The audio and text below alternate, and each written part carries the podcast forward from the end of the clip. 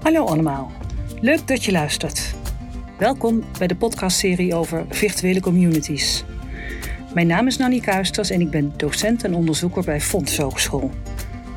In onze netwerksamenleving nemen virtuele communities een steeds nadrukkelijkere plaats in. Hoe de kans dat jij ook in één of meer communities zit. Ben jij een gamer bijvoorbeeld? Over ons recent onderzoek naar virtuele communities ga ik het hebben in deze serie. Maar voor nu, virtuele communities, misschien denk je, wat zijn dat eigenlijk? Wat kun je ermee? Daar staan we eerst bij stil. En welke soorten communities zijn er eigenlijk en hoe verschillen ze van elkaar? Op deze vragen krijg je antwoord in deze podcast.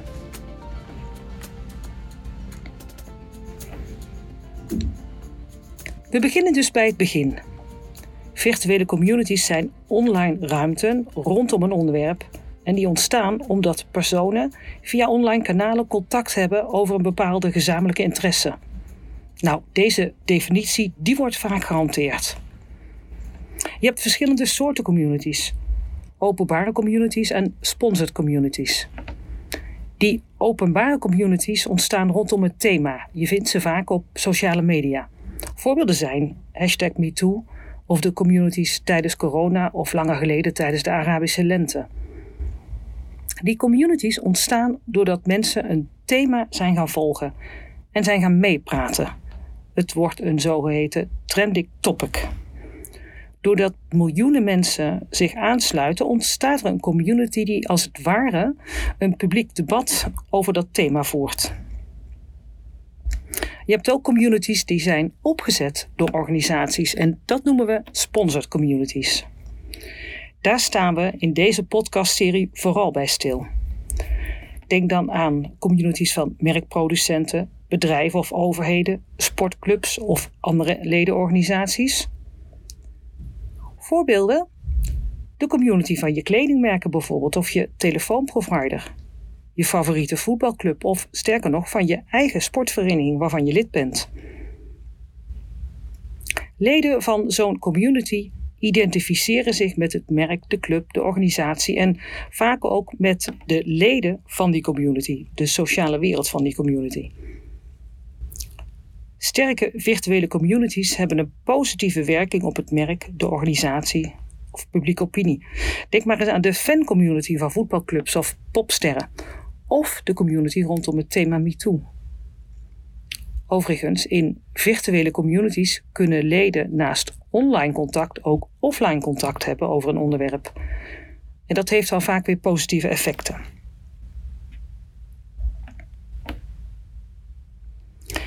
Virtuele communities hebben een aantal kenmerken. Denk maar eens aan een plaatje van een netwerk waarbij zogeheten knopen in verbinding staan met elkaar via lijnen. In zo'n netwerk staat iedereen met iedereen in verbinding. In een netwerk is geen middelpunt en iedereen is even belangrijk. De manier waarop leden deelnemen kan wel verschillend zijn. Leden kunnen volgers zijn, delers of makers. Creators noemen we dat.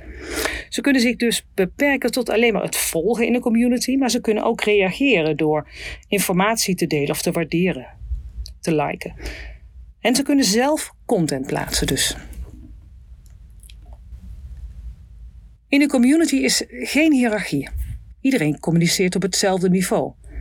Er zijn dus ook geen bazen of ondergeschikten. Ook niet in sponsored communities van organisaties. Er zijn wel diverse rollen. De facilitator, degene die uh, de community is gestart. Ze beheren bijvoorbeeld accounts of platforms. En de leden, dat zijn de deelnemers. En de beheerder kan ook deelnemen als lid. De sterkte van verbindingen tussen die leden is bepalend voor de sterkte van een virtuele community. Dus netwerken met hechte relaties zijn sterke netwerken. Denk maar eens aan hechte families, waar onderling sterke relaties zijn. En voor sterke communities geldt, hoe actiever de leden zijn, des te sterker ze zich verbonden voelen met de community. En dat is uiteindelijk wat je wil.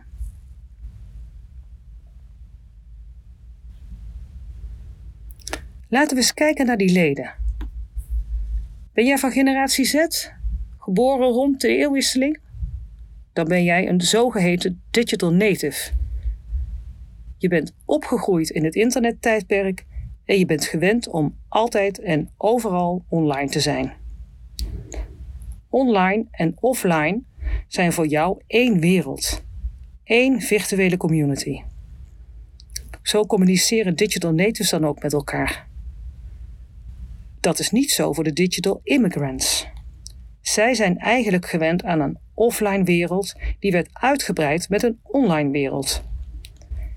Digital natives en digital immigrants hebben nog wel eens moeite om elkaar te vinden in die virtuele communities. Denk maar eens aan de ledenvergadering van je sportclub. Oudere leden komen graag naar het clubhuis, terwijl jij zelf misschien graag die ALV via stream wil volgen.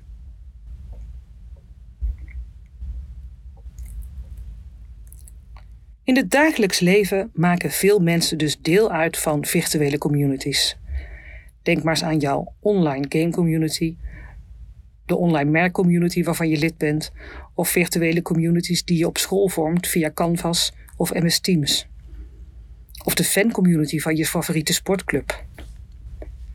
Met een community kun je waarde creëren voor een merk, een organisatie of een vereniging. Dat begint met het genereren van betrokkenheid van leden, ook wel involvement genoemd. Je identificeert je met de community en je voelt je betrokken. Die betrokkenheid kan dan weer uitmonden in commitment, waardoor je actief wordt in de community en blijft als lid. Loyaliteit. Hoe gaat dat globaal in zijn werk? Allereerst wil je als organisatie dat in je community nuttige en leuke informatie met leden wordt gedeeld. Maar dat is niet voldoende, weten we uit onderzoek naar die sponsored communities. In communities waar alleen maar content wordt gezonden, haken leden snel af.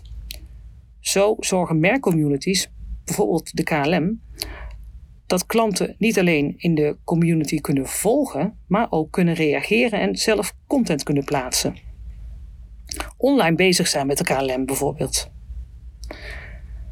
Met een actieve community creëer je die betrokkenheid bij je merk of bij je organisatie.